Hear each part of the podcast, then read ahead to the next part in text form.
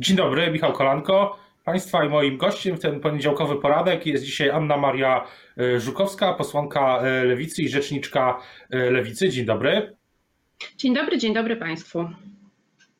Chciałbym zapytać na początek o tarczę, chciałem powiedzieć antyrakietową, ale nie, tarczę antykryzysową. Jak Lewica ocenia to, co pojawia się na stole, jeśli chodzi o tarczę i to, co ma być przedmiotem dzisiejszych obrad Rady Bezpieczeństwa Narodowego? Znaczy, dobrze, że rząd wreszcie się tym e, zajął. Szkoda, że jednak tak późno, dlatego że jeszcze do tego dopiero Sejm ma się zebrać e, w piątek, więc zanim te przepisy wejdą w życie, a jeszcze musi je przyjąć Senat, e, przegłosować, to, to trochę to niestety zajmie. Można, można by trochę szybciej nad tym pracować, jeżeli by się pomyślało wcześniej. Ale jeżeli chodzi o meritum, to uważamy, że tam jest za mało ochrony pracowników, a w szczególności mm, osób, które świadczą pracę na umowach cywilnoprawnych, na śmieciówkach i będziemy walczyć o to, żeby zmienić te przepisy w tym kierunku, żeby bardziej chroniły e, przed zwolnieniem te osoby i przed utratą pracy, przed utratą też miejsc pracy przed, przed, przez przedsiębiorstwa. Rozumiem, że cały spektakl dotyczący ZUS-u był pisany pod pana prezydenta Dudę, po to, żeby pan prezydent mógł się tutaj wrażliwością proprzedsiębiorczą wykazać. E, i zaordynować, e, chociaż jako żywo prezydent nie ma mm, w Polsce prawa do uchwalania dekretów, ale zaproponował rozwiązanie, które no akurat popieramy, bo to dotyczy nie tylko mm, odsuwania w czasie płatności składek ZUS-owskich, e, ale de facto zwolnienia z tych płatności. Natomiast to nie może być tak, że po prostu za ten okres e, nie będą odprowadzane składki do ZUS-u i później te osoby, mm, e, pracownicy będą mieli niższe emerytury, czy też nie będą im się należały innego rodzaju świadczenia. Uważamy, że rząd powinien e, wyasygnować pieniądze na pokrycie tych składek. Wiemy, że to będzie duża kwota, ale przypominam, że ta kwota, która w tej chwili jest realna w pieniądzu zaproponowana w tej tarczy antykryzysowej, to jest 60 miliardów złotych, nie 112.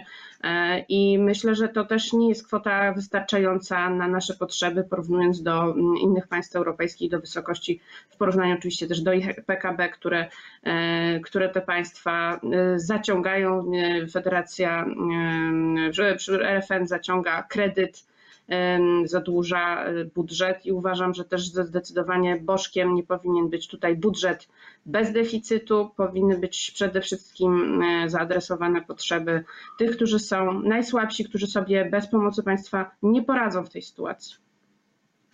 A czy jest już jakaś, e, jakiś szkielet informacji co do tego, jakim, jakim trybie, jaki sposób będzie się, będzie się Sejm e, zbierał w tym, e, w tym tygodniu, w ten, w ten piątek? Czy wiadomo już w jakiej formie w ogóle te wszystkie poprawki do tych ustaw opozycja będzie mogła zgłaszać? Nie, nic, nic nie wiemy, żadnych konkretów. E, słyszę tylko jakieś mam przesłuchy nieoficjalne, że to e, nie będzie tak, że się rzeczywiście zbierze e, w sensie rzeczywistym 460 osób plus obsługa, czyli pół tysiąca osób w jednym miejscu bo to by było na pewno dalece nieracjonalne, aczkolwiek czy to da się tak zorganizować, żeby można było głosować ustawy, zgłaszać projekty swoje, czy też uwagi, czy też zadawać pytania, E, to mam duże wątpliwości, bo no, miałam e, przyjemność uczestniczyć w jednej z e, rozmów wideokonferencji z panem premierem Morawieckim, częścią Rady Ministrów. Ona niestety technicznie, mimo że była na infrastrukturze polskiej policji, na systemie konferencyjnym polskiej policji, to, to nie funkcjonowało naprawdę tak, że da się 460 osób po prostu podłączyć i żeby to było mm, działające i żeby nie, nie powodowało to E, jakichś problemów technicznych. Mam wątpliwości. Może, może to się uda. Zobaczymy, jakie będzie rozwiązanie. W każdym razie no, prezydium jest e, Sejmu jeszcze we wtorek i może będziemy mieli wtedy więcej informacji. Co do samego, co do, jeśli, jeśli chodzi o same mm, organizację życia politycznego, jeśli tak to e, ujmę, to czy, czy SLD, Lewica, ale bardziej pytam o SLD, e, czy SLD będzie zgłaszać albo rekomendować swoich kandydatów e, do komisji wyborczych, bo z tych takich nieoficjalnych informacji no, wynika, że PiS, czy i oficjalnych i nieoficjalnych, wynika, że PiS chce przeprowadzić wybory 10 maja, to oznacza, że do 10 kwietnia trzeba zgłaszać swoich kandydatów, czy kandydaci mają się zgłaszać y, do komisji. że naszym zdaniem to jest kompletnie nieodpowiedzialne i e, odsyłam tutaj e, Prawo i Sprawiedliwość do e, tweeta wczorajszego pana redaktora Eryka Mistewicza, który no, można powiedzieć, że sympatyzuje z różnymi poglądami naszej drogiej władzy, w związku z czym może przychylniej PiS spojrzy na to, co pisze redaktor Mistewicz, a między innymi napisał o tym, co się stało we Francji po wyborach samorządowych, które odbyły się tydzień temu. Bardzo dużo osób, które były członkami komisji, które pracowały przy tych wyborach, ma w tej chwili już niestety koronawirusa. No, apeluję, apeluję o rozsądek i nie wiem, co jeszcze możemy zrobić jako opozycja, żeby e, Prawo i Sprawiedliwość poszło po rozum do głowy tutaj. Można, mogę też oczywiście apelować do prezydenta Dudy, ale wolałabym nie, no bo do niego to można tylko stan wyjątkowy apelować e, jako do prezydenta, ale to tego bym się raczej bała. Bałabym się cały czas, mówiliśmy przez ostatnie e, pięć lat o ryzyku i dyktatorskich zapędach Prawa i Sprawiedliwości, więc nie chciałabym im dawać do ręki takiego narzędzia. No można no oczywiście rozwać klęski żywiołowe.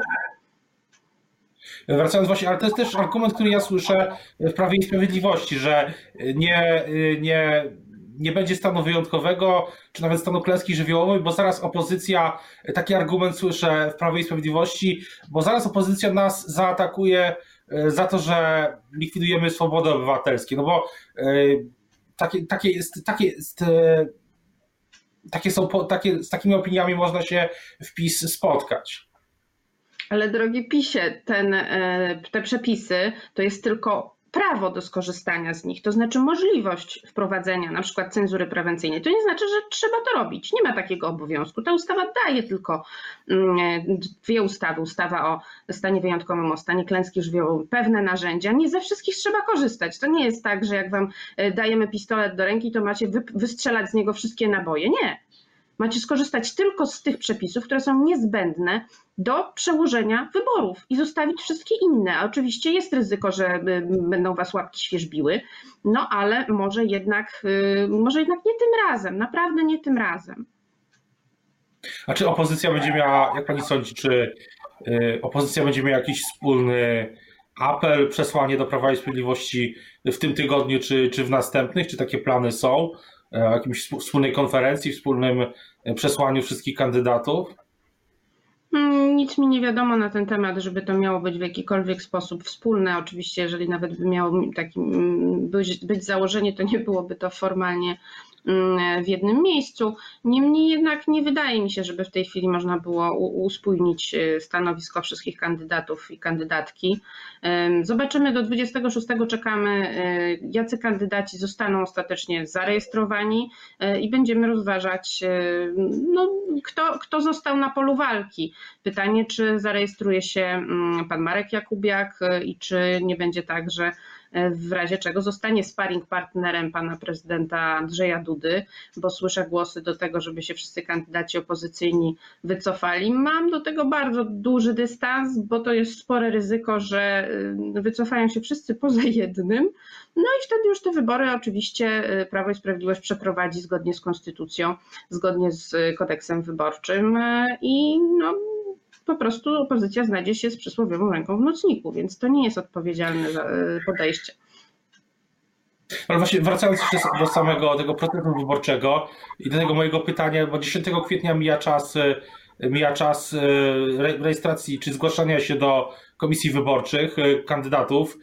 Czy, czy SLD będzie kogoś rekomendować tutaj, w tej obecnej sytuacji? Nie, nie, to, to tak człowiek nie SLD, tylko Komitet Wyborczy, więc to jest Komitet Wyborczy e, Roberta komitet, Biedronia. Oczywiście. E, niemniej jednak ma, my nie, nie, chcielibyśmy narażać kogokolwiek, udzielając mu rekomendacji, bo to jest naprawdę jawne wystawianie ludzi na niebezpieczeństwo. Wracam jeszcze raz do tej Francji, do przykładu, który mamy no namacalny, naprawdę. No, nie in vitro, tylko in vivo odbył się eksperyment na ludziach we Francji i teraz Prawo i Sprawiedliwość chce przekonać się, czy w Polsce będzie tak samo, czy jednak nie będzie tak samo. Ja nie wiem, no my jesteśmy jakąś inną są ludzi, którzy się nie zarażamy koronawirusem. Nie, chyba jednak tak nie jest.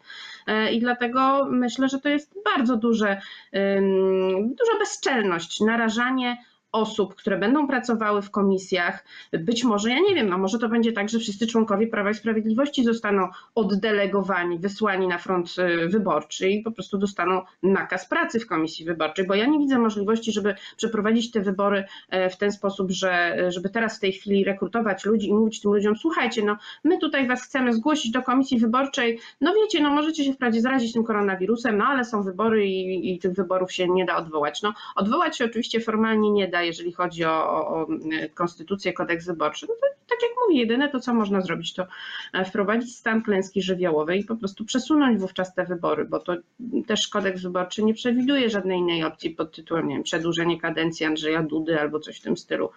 Są narzędzia, które, z których trzeba skorzystać e, i nie mówię, i tak jak mówiłam, nie ze wszystkich, które są e, podane, tylko wybrać te, które są absolutnie niezbędne w tej sytuacji. Posługujemy się tym pojęciem przesunięcie wyborów i pytanie, czy to oznacza, czy, czy, czy też e, Pani zdaniem to jest też tak, że Robert Biedroń nadal byłby kandydatem w tych przełożonych wyborach? Czy nie trzeba wystartować z tym całym procesem od nowa? Jeśli tak, to czy, czy dalej będzie właśnie, czy ponownie lewica zgłosi Biedronia, gdyby była taka konieczność? No oczywiście, że tak, jesteśmy odpowiedzialni i e, to byłoby wystawienie się na pośmiewisko zmiana kandydata e, w przeciągu kilku miesięcy, więc nie, nie, nie wyobrażam sobie, żeby jakakolwiek siła polityczna w Polsce wpadła na taki pomysł, żeby wymieniać kandydata lub kandydatkę, która w tej chwili już startuje w wyborach. To by było też, myślę, niepoważne wobec wyborców, e, którzy już w tej chwili są przecież namawiani do określania swoich sympatii wyborczych. Poza tym oczywiście też nie wiadomo, jakby wyglądało to zatrzymanie procesu wyborczego. Czy to by były te czynności, które zostały dokonane przez komitety, czy one byłyby ważne? Mówię tutaj o zebraniu podpisów i rejestracji, rejestracji kandydatów. Wówczas oczywiście w ogóle nie ma do czynienia z, z potencjalnie zmianą kandydata lub kandydatki. Czy też wszystko musiałoby się odbyć od nowa? No jeżeli musiałoby się odbyć od nowa, zbieranie 100 tysięcy podpisów w czasie skróconym, bo wtedy to by był, byłoby 60 dni e, na, na zorganizowanie, znaczy znaczy od ogłoszenia wyborów do do ich zorganizowania, więc to bardzo krótki czas, w związku z tym pewnie ten czas na zbieranie podpisów też byłby krótszy. No, w, w czasach pandemii ciężko pewnie będzie zbierać podpisy na, na ulicach, bo to są podpisy, które muszą być zebrane w, od normalnych ludzi, których, których po prostu gdzieś trzeba spotkać, którzy muszą wyjąć swój dowód osobisty, spisać numer PESEL, podpisać się. E, nie mam wrażenia, żeby społeczeństwo było chętne do, do takich czynności jeszcze przez wiele miesięcy, dlatego mam nadzieję, że jednak przyjmiemy takie rozwiązanie, które zakłada, że te zebrane podpisy po prostu mm, już powodują rejestrację kandydata, niezależnie od tego, kiedy te wybory prezydenckie się ostatecznie odbędą. A czy ten temat, e, czy myśli Pani, że ten temat, albo czy e, wróci dzisiaj na posiedzeniu Rady Bezpieczeństwa Narodowego, bo z tych informacji, które mamy, wynika, że ma być poświęcone, tak mówi Pan Prezydent, e, głównie tej tarczy antykryzysowej. Czy myśli Pani, że, że to jednak też się pojawi dzisiaj? Hmm, może się pojawić pewnie, ale nie jako główny wątek, bo naprawdę czas goni e, i my musimy już wydyskutować rozwiązania, jeżeli chodzi o przyjęcie takiej czy innej ustawy. Musimy, mm, musimy to dogadać. Mam nadzieję, że się uda to dogadać, że Prawo i Sprawiedliwość zrozumie, że nie może pozostawiać na pastwę losu e, osób, które nie mają etatów i że, y, że w tej chwili to jest pierwszoplanowa czynność, bo tak jak mówię, jest jeszcze potem Senat. Do wyborów faktycznie jest kawałek dłużej. Teraz są, to są najważniejsze rozwiązania. Nie, nie powinniśmy się zajmować też trochę sobą, to znaczy procesem wyborczym, tylko zajmować się tym, żeby jak najsprawniej i jak najszybciej uchwalić te przepisy, na które wszyscy czekają. Czekają na nie i pracownicy, e, i osoby bezrobotne, i osoby, które świadczą pracę, tak jak mówiłam, na umowach cywilnoprawnych oraz oczywiście też przedsiębiorcy, bo też to są rozwiązania, które y, mogą zatrzymać upadłości firm. A myśli Pani już tak, e, wybiegając trochę przysz, przyszłość, po ten, poza ten kryzys bezpośredni, kiedy sytuacja wróci do normy, czy myśli Pani, że E, że te postulaty lewicy o tym e, nowoczesnym państwie dobrobytu, one stracą czy na, na ważności, czy, czy wręcz przeciwnie? No myślę, że to teraz widzimy, że nie jest tak, że każdy może się, jest samotną wyspą w społeczeństwie i może sobie poradzić sam bez wsparcia e, państwa. Państwo jest potrzebne. Myślę, że jedynym betonem, który się nie da do tego przekonać, to jest pewnie pan profesor Leszek Balcerowicz, e, ale myślę, że większość ludzi jednak zrozumie, że e, potrzebne są takie mechanizmy, które powodowałyby, że mm, mechanizmy solidarnościowe, że jeżeli chcemy mieć sprawną służbę zdrowia, e, wydolną służbę zdrowia, to musimy na nią wydawać po prostu więcej pieniędzy. I tych pieniędzy nie wydamy dlatego, że zaoszczędzimy, bo nie wiem, bo obniżymy podatki i obetniemy wszystkie programy socjalne, które wprowadziło Prawo i Sprawiedliwość, czy też poprzednie ekipy, przypomnę też na przykład kosiniakowe żeby nie było tak, że tylko Prawo i Sprawiedliwość e, przyznawało takie świadczenia, to tylko musimy po prostu te pieniądze ściągnąć, ściągnąć je z podatków. Przede wszystkim powinniśmy e, też rozmawiać bardzo mocno na forum Unii Europejskiej o tym podatku cyfrowym, o podatku od globalnych korporacji, bo to oczywiście jeżeli jedno państwo Unii Europejskiej uchwali sobie takie przepisy, no to wiadomo, że one nie będą zbyt skuteczne, bo takie firmy po prostu będą uciekały z podatkami gdzie indziej. Cała Unia Europejska powinna po prostu przyjąć przepisy uniemożliwiające e, uciekanie, unikanie z podatków. Ja, ja, tutaj też chciałam tylko przywołać jeszcze przykład Włoch. E, Włochy są krajem, który, który najbardziej w Unii Europejskiej jest krajem, w którym najwięcej osób i firm unika podatków. E, I mamy też niestety teraz obraz tego, jak bardzo e, cierpi budżet Włoch, jak bardzo cierpi służba zdrowia e, tego państwa. Między innymi z tego powodu. To jest też oczywiście postawa niepatriotyczna, ale e, tutaj ciężko apelować do globalnych korporacji, żeby kierowały się właśnie patriotyzmem ale myślę, że będziemy musieli o tym mocno porozmawiać. Będziemy musieli też, jak już jesteśmy jeszcze przy tej ustawie antykryzysowej, przyjąć jakieś rozwiązania, które e, no, spowodują, że firmy, które otrzymają pomoc od państwa, będą zobowiązane do płacenia podatków w Polsce, albo przyjąć takie rozwiązanie, że te, które płacą podatki w Polsce, otrzymują pomoc od polskiego państwa. W innym wypadku, no niestety, wtedy trzeba będzie szukać pomocy w tym państwie, w którym się płaci podatki, bo nie może, nie można dłużej sankcjonować takiej sytuacji, e, że kiedy unika się, kiedy chce się maksymalizować zyski, czy minimalizować straty, to e, polskie państwo jest niepotrzebne, a potem jak trwoga, to, e, to wszyscy lecą do budżetu państwa i chcą, żeby otrzymywać z niego pieniądze. Myślę też o takich rozwiązaniach, którym, e, o których już mówiłam, mm, jeżeli chodzi o solidarność kadry zarządzającej z pracownikami. Nie może być tak, że otrzymane od państwa pieniądze będą przeznaczone na kilkuset tysięczne wypłaty pensji dla kadry zarządzającej w danym przedsiębiorstwie. No, również wy, drodzy prezesi, prezeski, musicie obniżyć swoje pensje, bo obniżone one będą pracownikom. Ważne, żeby oczywiście otrzymały, otrzymali te miejsca pracy, ale to nie może być tak, że będą przejadane tylko dlatego, e, że wy nie możecie obniżyć przynajmniej na jakiś czas swojego standardu życia.